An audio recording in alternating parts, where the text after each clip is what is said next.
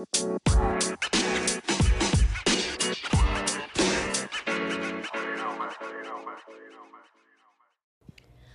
sobat dengerin, di sini Seva dari dengerin Seva podcastnya anak rantau. Aku ucapkan selamat pagi, selamat siang, selamat sore, serta selamat malam untuk teman-teman di mana pun berada. Gimana nih kabar kalian di rumah? Semoga sehat-sehat selalu dan terlindungi. Bagi sobat dengerin yang baru pertama kali mendengarkan podcast ini, aku ucapkan selamat datang dan semoga terhibur dengan obrolanku dengan para narasumber selama beberapa menit ke depan. Nah, podcast dengerin Seva sendiri adalah podcastnya anak rantau yang membahas tentang hal-hal yang dekat dengan sekalian kita nih, seperti perkuliahan, kerja, rumah tangga, olahraga, mental health, dan lain-lain. Dan dikemas secara edukatif serta informatif. Jadi, siapin catatan ya teman-teman agar ilmu yang kalian dapatkan gak sia-sia. Oke, kita langsung aja nih. Di episode kali ini aku ditemani sama Belinda Azahra loh. Belinda sendiri sudah banyak dan sudah lama nih meniti karir, sehingga gak diragukan lagi deh kecakapan dan validitas dari seorang Belinda Azahra. Belinda juga pernah menjabat menjadi key account for e-commerce di Unilever dan awardee dari Yawa by McKenzie, serta masih banyak lagi. Keren banget deh pokoknya si Belinda ini. Sobat dengerin, kali ini kami bakal membahas tentang persiapan dan akselerasi karir bersama seorang Belinda. Pasti teman-teman di sini pada penasaran dan clueless kan, kenapa ya kita harus mempersiapkan karir semenjak duduk di bangku kuliah? Strategi apa ya yang tepat dalam meniti karir? Dan juga hal-hal lainnya seputar karir yang bakalan kita bahas tuntas di episode ke-18 ini. Jadi yuk take your time buat dengerin podcast dengerin Seva serta mendengarkan pengalaman dan ilmu dari Belinda Azahra.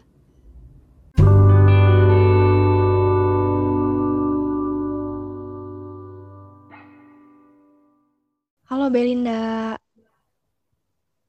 Hai. Apa kabarnya nih? Baik, alhamdulillah. Semoga Syefa baik lagi baik juga. Alhamdulillah, ya aku juga baik. Sekarang nih aku lagi UTS sih, jadi agak hektik gitu. Kalau kamu sendiri kesibukannya apa nih? Aku sekarang hektiknya magang sih, karena magangnya di audit dan sekarang lagi peak season kan. Jadi uh, demanding banget tiap hari. Gak sulit untuk nyeimbangin buat yang lain juga. Aku juga masih kuliah, tapi udah selesai UTS ya minggu lalu. Jadi ya uh, kehidupan mahasiswa gitu-gitu aja ya sibuknya. Betul sih. Tapi berarti udah agak luang ya, karena kan udah selesai ini ya, kuliah ya? Hmm, gak juga sih, karena mata gak juga. mata kuliahnya langsung masuk lagi kan, jadi ya break bentar doang gitu. Oke.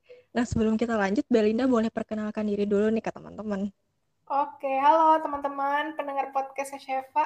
Kenalin aku Belinda, bisa dipanggil Bel. Aku sekarang semester akhir, semester 7 maksudnya, di jurusan akuntansi Fakultas Ekonomi dan Bisnis Universitas Indonesia. Um, apalagi ya, mungkin beberapa kesibukan tadi udah disebutin bentar ya, kayak magang, uh, ikut beberapa perlombaan dan program juga gitu, sebagai mahasiswa pada umumnya lah. Salam kenal teman-teman semua. Oke, ini sebagai mahasiswa ya Belinda, apa aja sih yang mesti dipersiapkan dan direncanakan nih untuk karir kita ke depan ya?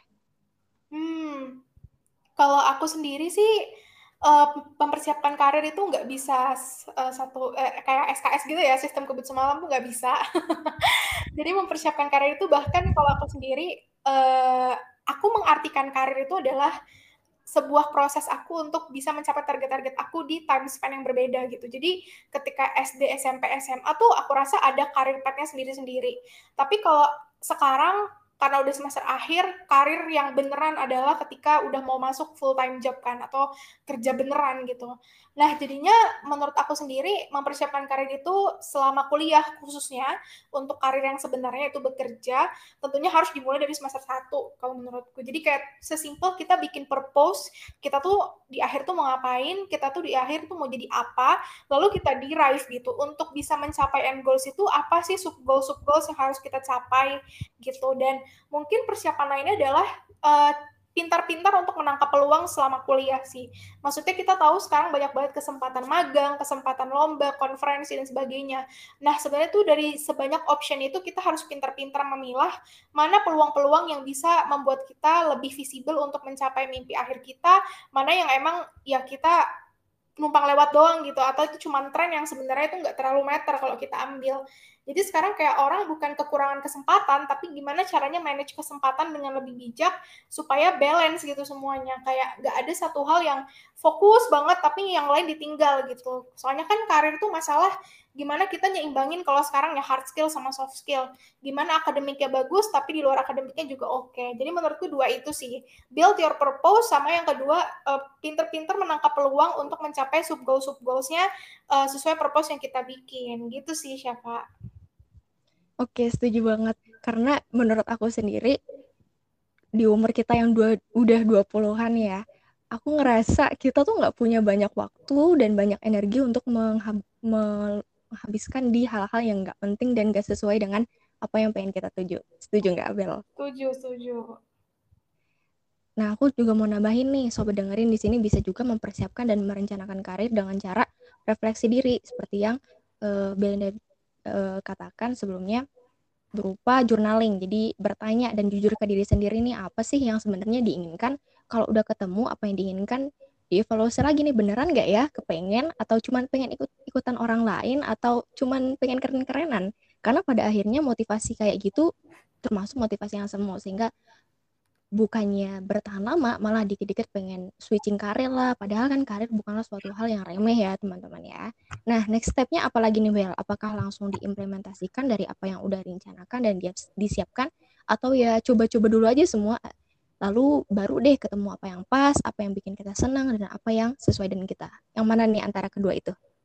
Kalau menurutku sih, aku tipe orang yang uh, prinsipnya aku ngejalanin trial and error dulu sih. Jadi karena waktu itu gini sih, tergantung skenario gitu. Kalau posisinya kayak kita udah tahu banget gitu end goalsnya kita mau mau jadi apa, mau ngapain, tentunya dengan gampang kita nggak usah melewati masa coba-coba dulu gitu karena sebenarnya kita udah ngerti apa yang kita mau dan apa yang kita harus lakuin untuk mencapai ke situ.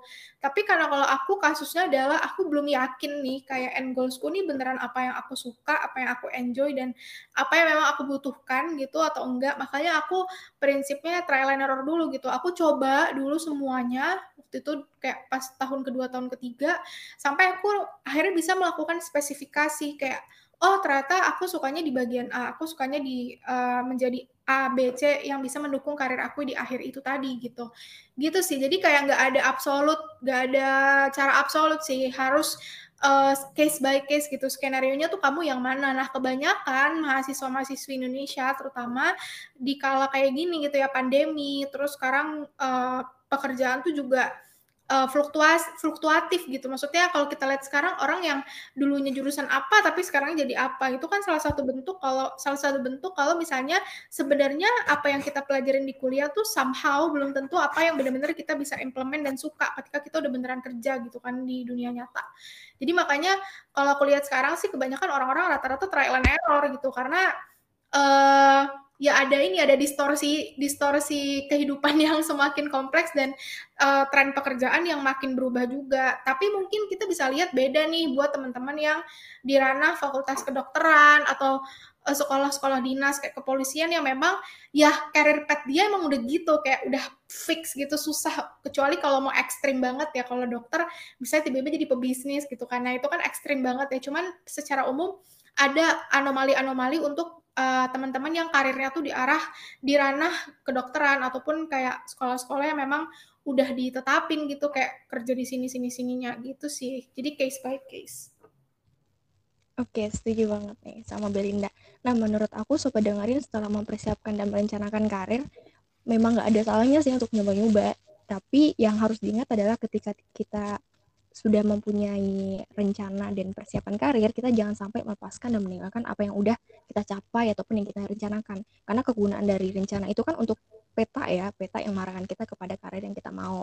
Nah, gimana sih caranya menentukan dan memetakan karir yang tepat bagi kita dan align with our future, Belinda? Karena kebanyakan dari kita juga ngerasa clueless, habis ini harus berkarir ke mana dan menjadi apa. Hmm, Jadi arah pertanyaannya tuh kayak gimana bisa nentuin gitu ya atau gimana nih? Iya, betul. Oh, I see I see. Hmm, sebenarnya kalau aku ada dua cara sih gimana cara nentuinnya. Pertama adalah, uh, ketika aku tuh trial and error tadi, aku selalu menuliskan value atau lesson learn di setiap kesempatan aku coba gitu. Jadi kayak, oh di sini gue, uh, ngerasa enjoy, tapi kayaknya substansi pekerjaannya gue kurang suka uh, gue enjoynya sama environmentnya misalnya. Oh kalau di sini kebalikannya, gue nggak terlalu enjoy sama environmentnya, tapi gue suka substansi pekerjaannya gitu. Jadi kalau aku caranya pertama ketika error tadi, kamu harus bikin apa ya kayak mapping gitu ya lesson learn lesson learn yang membuat uh, sebagai bahan konsiderasi teman-teman winning uh, winning pointnya tuh di mana gitu, equilibriumnya tuh di mana sebenarnya gitu. Nah, selain juga mapping dan nulis lesson learn di setiap kesempatan yang kita coba untuk mencari yang paling kita suka gitu, sebenarnya ada faktor-faktor atau konsiderasi lain yang somehow kita harus pertimbangin gitu. Kayak contohnya salary, contohnya prospek kerja ke depan, prospek perusahaan yang mau nerima juga, terus kayak dari sisi supply lah intinya. Terus juga dari sisi tanggungan kita. Kita gini, kadang kita pengen jadi A, tapi somehow misalnya salary untuk pekerjaan A itu tuh nggak match nih dengan tanggungan kita. Misalnya tanggungan kita masih ada adik segala macam. Jadi sebenarnya menentukan karir itu tuh nggak bisa 100% uh, berada di tangan kita sih. Maksudnya ada faktor-faktor lain yang sebenarnya bermain gitu. Salah satunya tadi aku sebutin. Jadi makanya teman-teman harus cari nih equilibriumnya di mana teman-teman suka tapi di satu sisi lain itu membantu teman-teman untuk melaksanakan kewajiban teman-teman seba, se, uh, sesuai perannya masing-masing gitu ya sebagai anak sebagai kakak gitu jadi dua hal itu nggak bisa terpisah sih ketika milih karir menurutku Syafa oke setuju banget nih sama Belinda nah dari banyaknya pengalaman kita akhirnya jadi punya konsiderasi dan kesimpulan bahwasanya oh ini loh yang cocok dan aku suka ya Belinda ya betul tapi tahu dari mana nih Belinda kalau kita udah in the right path? Hmm, sebenarnya nggak ada, menurutku ya, kita tahu atau enggaknya tuh right path itu nggak ada nggak ada faktor absolut sih. Itu benar-benar subjektif banget gitu. Kamu ngerasain in the right path or not. Tapi kalau aku sendiri ada dua tracker sih. Aku ngerasa udah right path or not. Pertama, aku ngejalaninnya beban nggak? Sesimpel aku enjoy nggak ngejalaninnya Kenapa sih itu penting? Karena gini, kalau misalnya uh, kita ngerasa nggak enjoy atau beban, ya somehow itu kayak bukan panggilan kita gitu nggak sih? Kalau aku sih prinsipnya gitu ya. Jadi kalau aku ngerasa aku enjoy, walaupun pekerjaannya mungkin berat atau banyak tantangannya, tapi aku enjoy, aku ngerasa itu kayak, oh ini udah salah satu poin yang, atau salah satu area yang, oh this is the right thing for me gitu. Dan yang kedua, trackernya adalah ini sih, ketika setelah kamu melakukan hal itu gitu, ada nggak sih impact yang kamu rasain? Contoh kayak misalnya, oke okay, gue habis ngerjain A gitu, gue ngerasa enjoy, uh, semuanya oke, okay, terus impactnya tuh apa? Kayak misalnya dari sisi wellness tiap hari gitu. Walaupun misalnya contoh gue begadang nih bekerja kayak gini, tapi gue ngerasa senang, gue ngerasa enjoy, uh, mental health dan batin gue tercapai segala macam. Jadi kayak di satu sisi tuh trackernya nilainya dari enjoy atau enggaknya, dan yang kedua dari impact buat kitanya sendiri um, kadang ada ini ya, ada distorsi juga gitu. Maksudnya ketika kamu enjoy tapi ternyata impact-nya tuh malah buruk buat kita karena kita enjoy nih kayak workaholic tapi impact-nya buruk buat kesehatan kita. Karena harus di ini ya, harus di apa? Harus dikonsiderasi ulang tuh. Apakah benar ini equilibrium yang kita mau gitu? Yaitu mengorbankan hal-hal yang necessary sebenarnya kayak kesehatan dan sebagainya. Gitu sih mungkin kayak gak ada yang absolut gitu sih jawabannya. Nah, kalau aku ngerasa in the right path itu ketika apa yang aku lakukan udah sesuai dengan passion aku, dengan apa yang dunia butuhkan dan aku dimonetisasi dengan hal tersebut atau bisa kita sebut juga dengan ikigai. Tapi dari ikigai malah mengantarkan aku ke pertanyaan selanjutnya nih Bel. Apakah harus mencintai pekerjaan walau nggak sesuai dengan passion atau berkarir yang sesuai passion sehingga kita enjoy dengan kerjaan sendiri? karir itu kan bukan cuma masalah kayak kita enjoy atau enggak, kita sukses atau enggak, tapi adalah sesimpel ya realitanya kita butuh salary yang stabil misalnya kayak gitu. Untuk hidup gitu kan. Nah, kadang tuh kayak bekerja bekerja tapi nggak passion tapi ya oh mungkin kayak salarinya gede atau misalnya bekerja uh, apa namanya dengan passion tapi ya tadi gitu kayak well wealthy-nya nggak oke okay, misalnya kayak gitu. Sebenarnya susah sih milihnya maksudnya kayak uh, konsiderasinya bagaimana. Cuman balik lagi ke teman-teman semua sih maksudnya kalau teman-teman ngerasa uh, apa atau passion yang teman-teman lagi jalanin itu adalah it's right thing for you to do. Maksudnya Oke, mungkin dari segi wellness, wealthy nggak akan se oke okay, hal-hal yang nggak gue suka, tapi at least gue enjoy, gue sehat secara batin. Ada orang konsiderasinya kayak gitu kan. Tapi ada juga orang konsiderasinya bodo amat, gue mau begadang segala macam yang penting gue wealthy gitu, gue bisa biayain dan lain-lain, biayain keluarga, adik gue gitu-gitu. Jadi sebenarnya memilih dua hal itu tuh tergantung konsiderasi teman-teman masing-masing sih, khususnya dalam hal karir. Kalau bisa sih ya dapetin passion yang memang uh, dari segi output atau impact sesimpel kayak misal salary tadi itu mau mendukung mendukung gitu kayak membuat teman-teman tuh jadi lebih stabil hidupnya itu enak sih. Misalnya kayak passionnya tuh di, dapat di termonetisasi dengan baik lah kayak gitu. Mungkin aku disclaimer ya kenapa sih kok karir tuh masalah salary dan monetisasi dari tadi aku cerita ya karena emang itu realitanya sih. Maksudnya kadang tuh dengan maksudnya dengan beberapa pengalaman magang-magang sebelumnya ya somehow ada rasa jenuh nih yang kita rasain karena kita kerja terus gitu. Nah, somehow kayak apa yang bakal kita dapat itulah yang membuat kita tuh semangat gitu. Itu nggak terelakkan sih namanya manusia, mereka butuh insentif kayak gitu kan. Jadi makanya tadi aku kayak cerita, karir itu bukan serta-merta kamu enjoy atau enggak, tapi itu bisa termonetisasi dengan baik gak untuk membantu kita tuh hidup gitu. Gitu sih, Seva. Kamu sendiri nemu-nemu info seputar karir kebanyakan dari mana nih Belinda? Hmm, info seputar karir ya Sebenarnya aku bener-bener pure kalau masalah karir mah LinkedIn lah ya sekarang. LinkedIn tuh udah overload banget sih infonya. Jadi kalau teman-teman di sini mungkin masih ngerasa kayak lacking info tentang karir segala macam, berarti mungkin ada yang salah tuh eh, dengan cara kamu memanage sosial media kamu. Soalnya kan kalau sosmed kan pakai algoritma ya. Jadi kalau algoritma tuh ya yang muncul adalah hal-hal yang sering kita lihat, yang sering kita like, yang sering kita share gitu. Jadi kalau misalnya kita emang tiap hari coba cari info-info karir, coba like, coba share. Tuh lama-lama tiap hari tuh bakal banyak kok info-info yang datang. Sama dong kita, aku juga pure dari sosmed nih. Soalnya banyak banget kan info seputar karir terutama dari Instagram ya. Nah kita nih harus pinter-pinter ngefilter mana yang harus di follow, mana yang harus diikutin, diambil manfaatnya dan juga dibuang buruknya. Kalau dulu kan masih susah banget ya masih belum ada internet lah. Paling-paling info kayak kayak kayak, gitu tuh dari mod-mod atau enggak papan kampus sekarang mah udah apa-apa ada dan cepet. Jadi pinter-pinter kitanya aja seperti yang Belinda juga bilang. Aku penasaran banget nih Bel. Kalau boleh tahu ini boleh dijawab atau enggak sih? Kamu ingin berkarya di mana dan menjadi apa dan siapa nih? Soalnya kalau aku lihat-lihat kamu banyak pengalaman dan bagus-bagus semua. Jadi malah bingung gitu gak sih? Mau fokus ke mana tapi sekaligus bisa jadi bekal semisal pengen berkarya digital marketing. Jadi gak yang awam-awam banget lah seperti itu uh, berarti aspirasi individu ya, individu ya. Iya. Jujur aku itu uh, mungkin mimpi aku itu dulu adalah aku get hired before I graduate waktu itu. Jadi kayak aku pengen di hire bahkan sebelum aku lulus.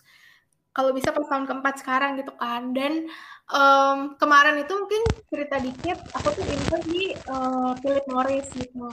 Nama program internshipnya tuh Encompass uh, jadi cukup apa cukup inilah cukup program yang cukup prestige gitu ya internshipnya. Nah karena aku tuh tipe orang yang kayak ya udah kalau misalnya udah masuk ke suatu internship program yang memang sangat difasilitasi memfasilitasi gitu harus maksimal gitu. Karena kalau misalnya kita jadi top performer waktu itu kita langsung dapat offer untuk jadi manajemen trainee. Kayak siapa yang nggak mau gitu kan kayak ditungguin setahun langsung udah di offer segala macam. Dan aku dan waktu itu adalah salah satu intern yang paling aku enjoy. Karena uh, di bagian komersial kalau siapa kalau siapa kalau teman-teman ingin tahu jadi di komersial itu lebih ke arah bisnis analisis terus kayak bikin visibility analysis ada ada finance-nya juga tapi finance-nya juga nggak terlalu dalam gitulah gitu. Jadi aku rasa komersial tuh jadi apa ya bidang yang aku rasa aku paling enjoy uh, udah apa udah tercapai tuh ya get hired before graduates dan aku rasa itu sih kalau sekarang jawabannya end goalsku jadi sekarang end goals lagi bikin end goals baru nih gitu. Setelah uh, kerja mungkin setahun dua tahun end goals lain nih apa? Nah rencananya sih lanjut studi gitu. Alhamdulillah. Jadi itu ya jadi yang kalau udah mencapai sesuatu jangan merasa puas dulu karena masih banyak mimpi-mimpi yang lain yang belum dicapai. Nah, uh, aku pengen tahu dong Belinda struggle kamu sebagai seorang Belinda nih nyiapin dan akselerasi karir bahkan dari jauh-jauh hari apa nih? Hmm, struggle-nya. Struggle-nya banyak banget sih. uh, struggle pertama adalah namanya kita ambil beberapa kesempatan gitu kan, ambil beberapa hal yang mungkin uh, menguras waktu, tenaga, pikiran dan sebagainya macamnya. Ya mungkin orang orang ya udah itu kuliah, magang gitu, tapi kayak karena aku rasa sekarang makin kompetitif ya ambilnya lebih dari itu kan. Nah karena ngambil banyak komitmen itulah struggle adalah yaitu kadang harus sedih atau kadang harus menerima kalau memang misalnya kita tuh jarang ada waktu kosong uh, waktu weekend pun penuh nih misalnya untuk misalnya ada beberapa kegiatan juga. Di samping itu di sisi lain kayak kadang kadang aku istirahat nih ya misal contoh. Tapi ada beberapa beberapa beberapa komitmen yang memang nggak bisa ditinggal kayak gitu kan. Jadi struggle di situ sih. Yang pertama yaitu kadang aku ngerasa aku terlalu keras sama diriku sendiri. Cuman balik lagi aku rasa aku kayak gini untuk kebaikanku juga gitu. Jadi kayak aku kadang uh, struggle-nya tuh lebih ke situ sih. Kayak agak nyesel kok apa ya keras banget gitu. Tapi di sisi lain ya bersyukur juga untuk dapat kesempatan-kesempatan yang mungkin orang belum tentu bisa dapat kayak gitu. Struggle kedua adalah Uh, kalau dulu awal-awal pas awal-awal nyoba ya, awal-awal daftar ini itu ya struggle adalah menghadapi kegagalan sih pasti dulu. Karena dulu yang namanya baru nyoba udah gagal tuh kayak, wah ini beneran bisa gak sih gue gitu kan. Cuman kalau sekarang udah kebiasaan gagal sih, jadi kalau habis apply-apply terus gagal ya udah gitu kayak bener-bener sebiasa itu. Ya udah lupain aja gitu, kayak evaluasi gagal kenapa, ya udah kalau tahun depan masih bisa nyoba ya nyoba lagi gitu. Tapi kalau dulu struggle di kegagalan sih, karena yang namanya orang baru mulai dan langsung gagal tuh kan sakit ya gitu. Jadi struggle adalah gimana bisa bangkit gitu. Mungkin struggle ketiga ya selain waktu yang agak hmm, kurang ada me time dan sebagainya, terus struggle menghadapi kegagalan dan bangkit. Struggle ketiga adalah uh, aku telat dapet peer group sih jujur. Jadi aku tuh pas tahun pertama kedua kuliah aku tuh tidak memvalue adanya friendship atau peer group. Aku rasa kayak waktu itu aku individualis banget, aku admit dan aku rasa tuh salah banget jadi aku tuh baru peer groupan, baru benar-benar dapat peer group tuh semester 6, semester 5, 6 tahun ketiga udah mau lulus gitu kan. Itu sih struggle-nya adalah aku terlalu individualis dan aku baru sadar kalau ternyata tuh berteman, friendship, punya peer group itu value-nya lebih dari apa pun gitu. Lebih dari pencapaian, lebih dari menang lomba dan sebagainya. Kayak beda aja rasanya, namanya human ya human nature gitu, bersosialisasi. Jadi itu sih mungkin tiga struggle yang aku rasa paling gede sih dalam hal mencapai karir gitu dan aku aku aku harap teman-teman pendengar podcast Sheva juga kayak kalian boleh ambis kayak pingin ini itu tapi jangan lupa kalau ada value-value yang lebih lebih dari apa pun kayak um, meet, meet, apa family time dengan keluarga punya peer group gitu-gitu sih. Oke, setuju banget. Menurut aku juga, aku pas awal-awal uh, ke, mendapat kegagalan tuh hancur banget serius. Tapi oh. sekarang tapi sekarang udah kayak kebal gitu kan. Udah biasa iya, aja. udah biasa aja kan kayak oh ya udahlah ya coba yang coba lain coba lain coba yang lain gitu. Uh, uh. nah kalau aku sendiri uh, struggle aku justru sedikit uh, benar kayak kamu yang bagian ketiga yaitu sedikitnya teman dalam berkarir. Karena semakin ke sini ngerasa kalau teman tuh makin sedikit makin berkurang gitu di umur yang 20-an gitu. Ada yang ambis lah ada yang santai-santai lah ada yang highly motivated people ada yang ya udahlah seadanya aja. Nah jadi ngerasa kesulitan buat nyari teman-teman yang sefrekuensi nih tapi akhirnya bisa ke solve dengan cara ikutan kegiatan ini itu dan dari situ ketemu teman baru networking gitu ya. Karena kalau diam-diam terus di tempat agak sulit sih untuk dapetin networking kayak gitu. Hmm. oke. okay uh, tadi kan kamu juga ada nyebutin uh, untuk mendapatkan peer group ya. Nah, selain itu ada ada nggak sih kesalahan lain dalam memilih dan menyiapkan karir versi Linda nih supaya sobat dengerin juga nggak mengulangi kesalahan yang sama? Hmm, kesalahan terbesar adalah uh, dulu karena saking ambisnya, jadi aku itu apply apa pun tuh nggak mikir time spend dan uh, komitmenan yang udah aku ambil gitu. Jadi lapar mata deh lo kayak kayak kamu mau buka puasa terus kamu beli semua jajanan padahal kamu tuh punya cuman punya satu perut dan beberapa kapabilitas untuk menampungnya. Nah, itu sama gitu. Waktu itu saking ambisnya banyak banget kan kesempatan apply ini, apply itu, lomba ini, lomba itu, apply semua. Padahal waktu cuma 24 jam, terus juga kesehatan juga harus dijaga, waktu buat me time diri sendiri keluarga dan lain-lain itu juga harus dijaga juga. Jadi kesalahan terbesarku waktu itu adalah aku tuh ikut apa pun waktu itu tuh cuma ikut-ikut orang gitu biar nggak ketinggalan aja gitu kayak ngikutin arus. Padahal aku nggak punya purpose. Dan aku rasa aku nggak ada manfaatnya ikut ini kayak gitu. Karena nggak mendukung value and goalsku ketika habis kuliah. Jadi kesalahan terbesar adalah ikut ini itu tapi nggak tahu purpose-nya tuh apa. Jadi kayak percuma gitu wasting time. Nah mungkin ini sih kesalahan terbesarku. Jadi aku kayak pingin kasih ya uh, lessonan juga sih ke teman-teman gitu. Kayak teman-teman kalau lihat lagi banyak kesempatan apalagi kayak pandemi kayak gini jangan ini sih jangan lapar mata gitu. Harus sadar dulu kayak sekarang komitmennya tuh udah berapa yang diambil time spendnya tinggal berapa. Kalau misalnya gue ngambil ini kira-kira gue masih ada waktu gak ya buat diri sendiri? Masih ada waktu gak ya buat uh, keluarga dan lain-lain? Gitu sih kesalahan aku waktu itu kalau dari aku sobat dengerin coba untuk nggak ikut-ikutan teman karena pada akhirnya bakalan menyesal sendiri. Kenapa ya? Dari awal aku nggak ikutin apa yang aku inginkan aja. Jadi ya seperti yang dibilang di awal juga bahwa kita harus jujur ke diri sendiri karena hal itu paling penting. Karena pada akhirnya kita sendiri yang bakal ngejalanin dan ngerasain dampak dari apa yang kita kerjakan. Misal nih Bel aku udah lama nih ngebangun portofolio di marketing. Tapi pada akhirnya malah pengen berkarir jauh dari yang selama ini udah aku bangun. Nah gimana ya caranya adapt with new career? Kalau aku sih gampang sih dua caranya gitu. Kalau kita ambil risiko baru atau komitmen baru.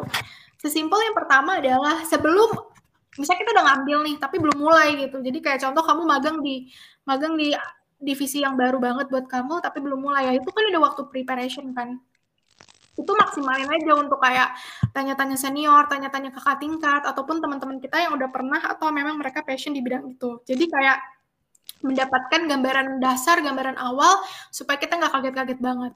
Tapi yang lebih penting adalah kalau misalnya kita apa ya mengikuti sesuatu yang baru banget buat kita kayak out of our comfort zone, itu yang paling penting adalah resiliency sih kayak kita tahu nih hal yang baru buat kita justru kita juga harus lebih resilient untuk menerima kalau misalnya kayak gue masih bego banget di sini gitu.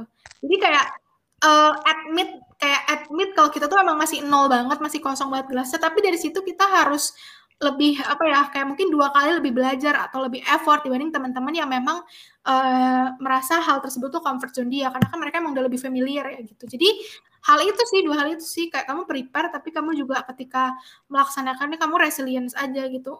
Tahan banting lah kalau kamu dikritik atau dapat mungkin sesimpel dapat uh, teammates atau atasan yang demanding membuat kita tuh ngerasa aduh bisa nggak ya gue? Justru itu sih sebenarnya yang membuat kita tuh lebih tertrigger untuk berusaha gitu. Setuju. Soalnya kalau dari masuk ke dunia kerja kan hal-hal kayak gitu itu udah, udah biasa kan ya kita iya. sehari-hari jadi emang harus uh, emang kerja tuh ngelatih mental banget betul Oke, bisa nggak sih kita memulai karir dari nol? Semisal nih kita mau apply kerja sebagai mahasiswa yang notabene-nya doesn't have any experiences. Terus in order to get a job we need an experience dan juga sebaliknya. Nah, gimana nih? Apakah bisa memulai dari nol? Sebenarnya mau dari nol bisa aja sih. Cuman kalau aku lihat konteksnya sekarang ya kayak landscape landscape pekerjaan sekarang bisa, tapi mungkin agak sulit gitu. Jadi somehow harus ada faktor-faktor eksternal yang main ya. Sesimpel mungkin uh, apa namanya kuatin dari sisi network, kuatin dari sisi mungkin doanya lebih dikuatin gitu-gitu sih. Jadi bisa-bisa aja, cuman kalau sekarang lihat landscape orang daftar gitu ya, ya emang lebih menguntungkan orang-orang yang punya experience gitu. Makanya nggak ada kata terlambat. Jadi kalau kalau baru sadar nih, aduh baru sadar banget nih gue harusnya gini-gini gini, langsung aja lakuin. Karena ya itu sekarang waktu tuh bergerak sangat cepat ya dinamis banget gitu. Orang dalam sehari tuh bisa dapetin A B C D gitu. Kalau misalnya kita terlena ya susah juga gitu. Jadi bisa sih jawabannya Chef. Tapi memang ya lebih sulit pasti dengan orang-orang yang memang udah experience udah punya experience awalnya Oke, kalau dari aku jawabannya ada dua, bisa dan enggak. Bisa, bisa mulai dari nol kalau kita pandai pandai-pandai nih yakinin HRD bahwa kita pantas dapetin kerjaan itu walau minim atau zero experience.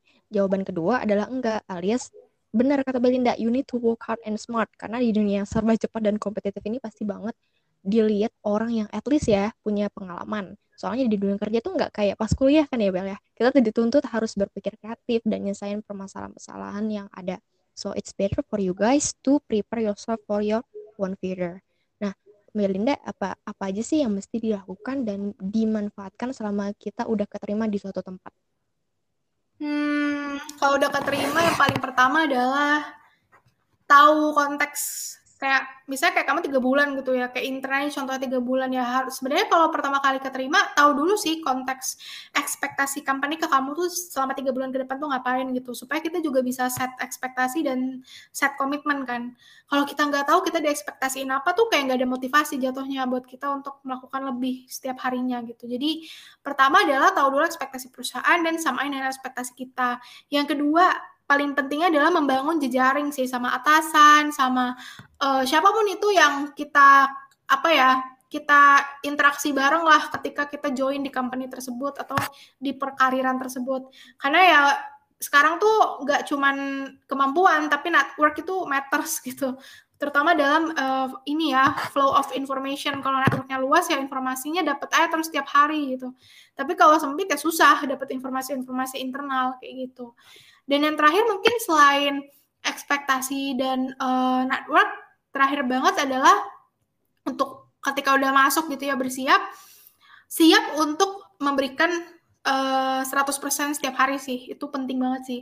Apalagi kalau misalnya kayak contohnya tadi kayak nyambung ke pertanyaan tadi ya kayak masuk ke dunia baru atau kayak divisi baru atau apa pun yang belum pernah kita coba. Itu memberikan 100 plus 1 bahan ya harus karena memang namanya kita contoh kalau magang lah. Magang kan kita kayak masih bocil. Itu kayak masih belum tahu apa-apa kita butuh belajar. Jadi sesimpel memberikan 100 per satu tuh sesimpel. Gak usah di, gak usah nunggu disuruh ngapa-ngapain. Tapi kita coba yang approach ke atasan kak ada yang bisa gue bantu nggak? Kak ada yang bisa aku bantu nggak? Kak kalau gini oke okay nggak? Jadi kayak sesimpel itu sih. Memberikan 100 per satu sesimpel itu. Inisiatif terus memberikan banyak ide uh, komunikatif sama atasan gitu-gitu. Gitu sih mungkin. Okay. kalau dari aku networking dan ngasah skill. Tapi harus tahu juga nih mana yang job desk kita mana yang enggak. Jangan sampai berdalih pengen ngasah skill jadi lupa sama kapasitas diri sehingga bablas deh. Malah ngerjain punya orang lain yang bukan job desk kita ataupun orang jadi seenaknya nitip ke kita terus Sedangkan untuk networking, nah ini penting sekali karena we never know ya siapa aja nih di antara teman-teman kantor kita yang sedikit banyaknya ngebantu akselerasi karir kita ke depan. Entah diajak kolaborat lah, diajak jadi narasumber dan masih banyak lagi.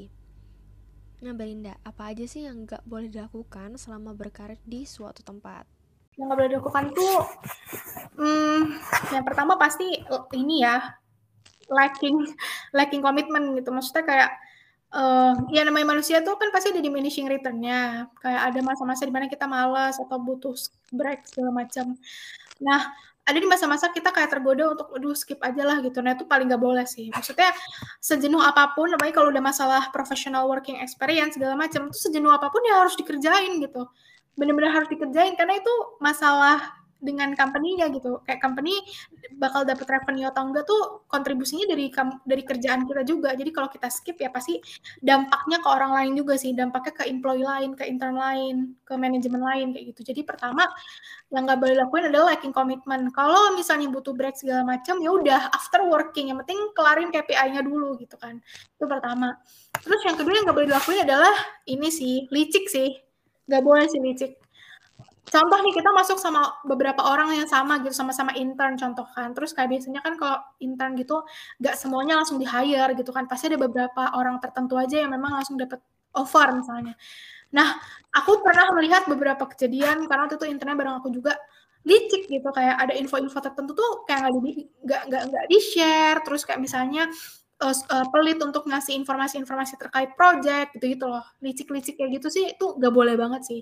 Maksudnya emang semua orang punya goals yang sama yaitu get higher setelah intern tapi tetap aja dalam proses intern tersebut harus sportif gitu jangan licik. Dua itu sih mungkin yang aku rasa aku notice jangan pernah dilakuin sih teman-teman ketika udah masuk ke dunia profesional. Karena itu menimbulkan karakter yang buruk banget sih buat diri kita pasti ke depannya. Susah hilang kan kalau karakter buruk. Kalau dari aku, teman-teman pandai-pandai memfilter mana yang mesti di-up ke sosial media. Soalnya jejak digital tuh bener-bener ngeri. Kalau nyeleweng dikit ataupun jelek-jelekin company itu bisa berakibat fatal. Nah, itu dampaknya bisa jadi jangka panjang. Karena bisa aja kan ya, misal nih kita ngejelekin suatu company, eh di blacklist sama mereka, terus dikasih tahu sama terus dikasih tahu ke company yang pengen kita lamar nih bahwa kita nih orangnya nggak cakap lah nggak inilah nggak itulah kan jadinya ngeri banget we never know lah ya hal-hal kayak gitu nah Belinda what did you learn selama berkarir sebagai mahasiswa yang aku pelajarin sih banyak sih, usah susah untuk di karena tiap industri yang aku coba pasti lasananya beda-beda. Cuman kalau diambil garis benang merahnya pertama uh, aku belajar untuk jadi resilient itu pertama. Maksudnya di setiap industri itu yang paling sama adalah gimana sih semua orang tuh berusaha 100% ya terbaik pokoknya untuk bisa menyelesaikan apa yang ditugaskan ke mereka gitu. Jadi resiliensi walaupun banyak kesusahan, walaupun banyak keterbatasan khususnya saat pandemi kayak gini tuh nggak membuat orang tuh jadi nggak memberikan yang terbaik itu pertama. Sama yang kedua adalah um, ada di posisi di mana kayak kita butuh kita pas pertama kali masuk professional working experience tuh kan kayak kita belajar gitu kan terus diajarin ya sama seniornya. Terus ada di ada tahap di mana kita misalnya udah dua bulan nih di company tersebut terus ada intern baru masuk gitu kan. Kadang kita tuh malas banget gitu kan untuk ngasih tahu ngajarin segala macam. Itu sebenarnya adalah aku bayangin seniorku yang tiap ada intern baru dia ngajarin dari awal lagi dari awal lagi walaupun dia udah bosen banget. Jadi aku ngerasa kayak uh, apa ya kerja tuh nggak boleh egois gitu. Harus apa namanya harus bisa lebih berempati terutama sama teman-teman yang mungkin lagi ada di posisi ketika kita pertama kali masuk dulu gitu. Sama yang ketiga lesonannya adalah masalah ini sih. Tadi mungkin nyambung sama yang kamu bilang tuh jejak digital gitu. Aspirasi itu penting. Aspirasi untuk uh, misalnya kayak ada polisi di suatu company yang kita rasa itu nggak etis. Tapi semua orang tuh diam. Nggak ada yang berani jadi whistleblower. Itu somehow itu uh, sebenarnya kalau misalnya kita kita berani ya kita bisa aja jadi whistleblower tapi tetap aja ada batasannya atau ada boundary-nya whistleblower-nya within the company gitu nggak usah di up up misalnya ke sosial media dan sebagainya jadi mungkin yang ketiga ini sebenarnya adalah uh, kadang memang kita harus kritis terhadap suatu hal yang kita lagi kerjain, tapi di satu sisi kita juga harus set boundary. Karena kalau kita nggak set boundary, kita terlalu gegabah, itu nanti larinya ke kita juga sih dampak negatifnya. Belinda, tips dan saran buat sobat denger nih biar bisa kayak Belinda yang udah pengalaman banget dalam pencapaian karir? Tips ya, tipsnya dua nih. Uh, tips pertama adalah ini aku prinsip aku tuh namanya amat Victoria curang. Artinya itu preparation is our main capital to get to victory. Jadi teman-teman kalau misalnya mau dapetin hal yang teman-teman mau itu nggak bisa teman-teman bangun candi dalam semalam gitu. Atau kayak sistem kebut semalam kayak belajar buat kuliah atau ujian nggak bisa. Apalagi kalau karir teman-teman harus uh, sedikit-sedikit lama-lama jadi bukit lah. Itu kayak mupuk-mupuk pengalaman, mupuk-mupuk lesson learn, mupuk-mupuk value. Itu yang kita tanam sekarang, itu yang akan teman-teman tuai nanti di masa depan. Jadi itu saran pertama. Jadi kayak manfaatkan peluang, kerja keras, jangan lupa doa, jaga relationship dengan teman-teman sekitar, keluarga. Balancing itulah yang membuat kamu nanti bisa jadi lebih resilient dan valuable nih, punya daya jual yang tinggi ke uh, apa namanya lapangan pekerjaan. Yang kedua adalah jangan pernah lelah untuk gagal sih. Karena ada orang, aduh capek gue, capek kalah segala macam. Justru mumpung kita masih muda gitu ya, mahasiswa-mahasiswa Indonesia, uh, masa kuliah itu jadi masa kita untuk ngabisin jatah gagal karena saat kerja udah nggak ada ya jatah gagal tuh udah nggak ada gitu. Maksudnya dalam artian gagal dalam artian ini ngerjain kerjaannya itu kan mempengaruhi company gede banget ya. Tapi kan kalau sama kuliah sesimpel kita gagal di ABC, kita masih punya hari esok untuk coba lagi, coba lagi, coba lagi. Jadi jangan pernah takut untuk gagal dan jangan pernah ngerasa kalau gagal tuh ada batasnya karena unlimited aja gitu. Yang penting teman-teman setelah itu evaluasi kurangnya di mana supaya in the next opportunity lebih siap lagi gitu. Mungkin itu sih. Kalau dari kamu, satu kata yang mewakili keseluruhan perasaan dan dirimu selama berkarir apa nih Belinda? grateful lah bersyukur sih. Karena kayak ya itu tadi balik lagi uh, walaupun ada hal-hal yang nggak bisa aku capai sekarang tapi ada juga hal-hal yang nggak terduga yang mungkin kita nggak pernah kira sebelumnya datang ke kita. Itu sih balik lagi bersyukur tuh penting. Maksudnya teman-teman lagi di stages apa pun kalau bersyukur itu pasti lebih tenang gitu. Terakhir nih terakhir Belinda closing statement dari Belinda apa nih Hmm, mungkin closing statementku pendek aja buat para pendengar podcastnya Sheva. Intinya adalah uh, dengan semakin kompetitifnya dunia ini tuh bukan menjadi suatu ini ya, menjadi kayak menakuti atau apa pun itu enggak. Tapi lebih arah trigger teman-teman untuk bisa memberikan lebih nih dari yang standar misalnya. Untuk mendapatkan apa yang teman-teman mau. Di samping itu juga, selain ambisi, jangan lupa kalau kita sebagai manusia, kita butuh orang kita butuh teman. Jadi jangan lupa untuk build network juga.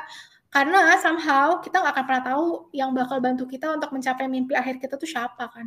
Jadi uh, inilah balancing uh, antara ambisi dengan hal-hal lain.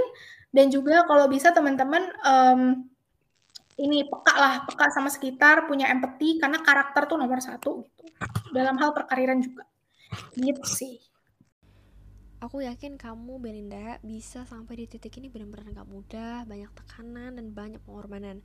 Tapi hasil yang kamu dapatkan bakal selalu lebih indah, lebih baik dan semua jerih payahmu bakalan terbayarkan sih. High risk ya hari lah ya. And to be very honest, I see you as a successful person. If we have any chance to meet, I will be the luckiest person and learn more from you.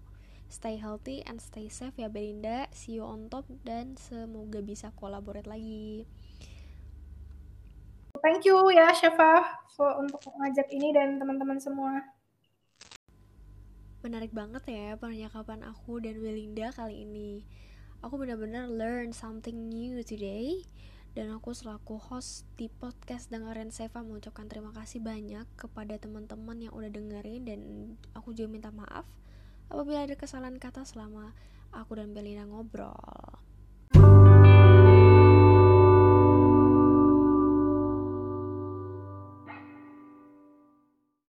Yang bisa aku simpulkan dari percakapan aku dengan Belinda barusan adalah dalam mencapai, membangun, serta mengakselerasi karir, gak bisa sehari semalam, seperti yang Belinda bilang. Kita harus memulainya sedini mungkin, lalu mengelaborasi sub goals yang ingin kita capai, membangun purpose, menjalani trial and error. Lalu setelah menjalani trial and error, kita menuliskan value dan lesson learn sebagai bahan-bahan konsiderasi sehingga kita dapat nih apa sih yang sesuai dengan kita dan tidak sesuai dengan kita. Dan juga kita harus tahu dan sadar ada hal-hal yang gak boleh kita lupakan ketika kita ambis yaitu value-value berupa uh, value pertemanan, keluarga, me time-nya juga jangan lupa. Dan di masa pandemi ini, kalau kata Belinda jangan lapar mata apply ini itu, padahal kita juga harus kita ada kapasitas diri sehingga harus dipertimbangkan lagi ya teman-teman.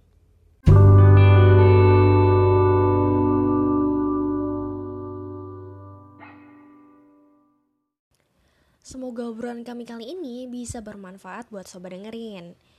Kalau teman-teman masih kebingungan atau ingin bertanya, bisa banget nih hubungi Belinda di IG-nya yaitu at dengan double O. Apabila sobat dengerin merasa episode kali ini oke banget, atau ada teman kalian nih yang butuh asupan tentang topik ini, boleh share episode ini ke mereka ya.